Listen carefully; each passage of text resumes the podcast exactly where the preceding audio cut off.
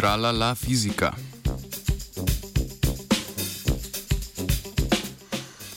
Dobro jutro. Današnji znanstveni Britov namenjamo glasbenim harmonijam. Tako kot že mnoge stvari poprej, bomo glasbo znanstveno metodo spremenili v objekt in odpravili vsak zametek osebnega okusa v glasbi, ki ga premorete.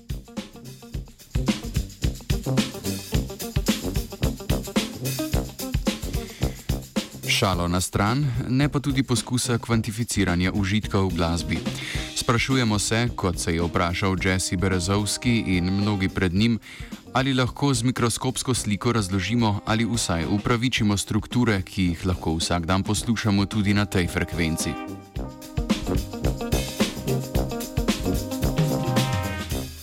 Raziskovalec z univerze Case Western Reserve izhaja iz opažanja, da se nam nekateri zvočni vzorci zdijo prijetni, drugi pa ne.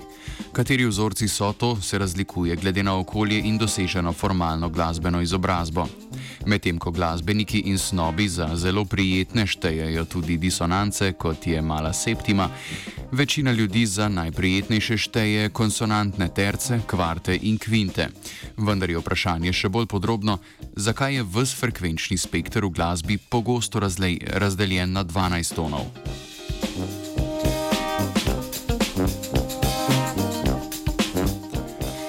V raziskavi je raziskovalec črpal navdih v statistični fiziki, v kateri je ravnovesno stanje rezultat tekmovanja med dvema nasprotnima procesoma: energijo in entropijo. Po eni strani si na podlagi empiričnih raziskav v glasbi želimo čim manj disonanc, vendar to ne more biti edina vrednota, sicer bi najraje poslušali en sam ton. Nasprotna temu je variacija ali entropija, ki dovoljuje kreativno glasbeno izražanje.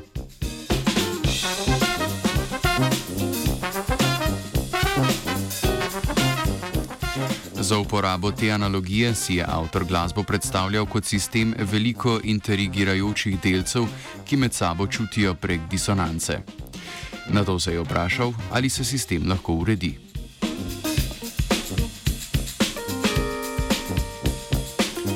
Vsak ton je razdelil na osnovno frekvenco in ali kvote, to so spremljajoče više frekvence. Katere so te frekvence in kakšna je njihova relativna moč, se razlikuje od glasbila do glasbila. Lahko vzamemo struno, pojočo žago, ksilofon ali kaj drugega.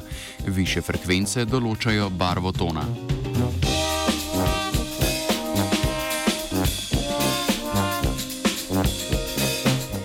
Interakcija med tonoma poteka prek disonančne funkcije, ki je prav tako določena empirično.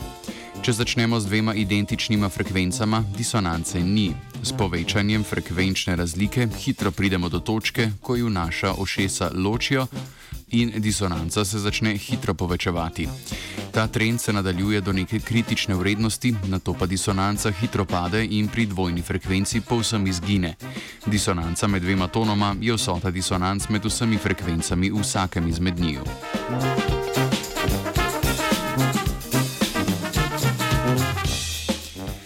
Avtor je s pomočjo približka povprečnega polja iskal urejene konfiguracije tonov znotraj ene oktave.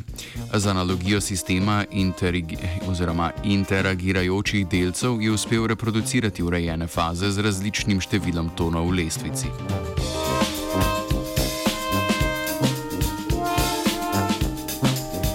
Zanimivo je, da za izbor ali kvotov, ki ustrezajo violinski struni, ni našel samo standardne 12-tonske lestvice, ampak tudi ureditve s 5, 7, 12 in celo 31 toni v oktavi, na katere od teh so dejansko predlagali glasbeni teoretiki prejšnjega stoletja.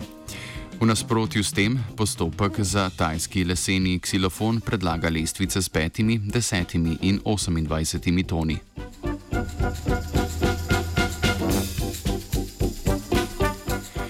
Nadalje je avtorja zanimalo, ali lahko reproducira kakšne harmonije.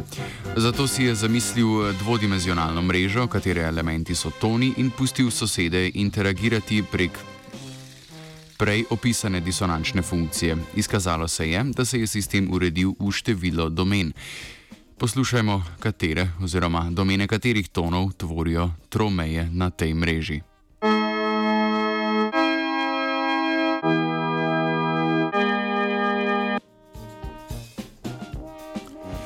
Retrozvoki so predvajani po navdihu avtorja članka. E, to se pravi, da rezultati namigujejo na možnost razumevanja vzorcev v glasbi iz mikroskopskega stališča od spodaj na vzgor. Veliko parametrov se sicer močno naslanja na empirijo in metoda je slepa za časovno sosledje harmonij, vendar že to, da drugačna porazdelitev ali kvotov vodi do različnih lestvic, morda pritegne nadaljne zanimanje za modeliranje glasbe.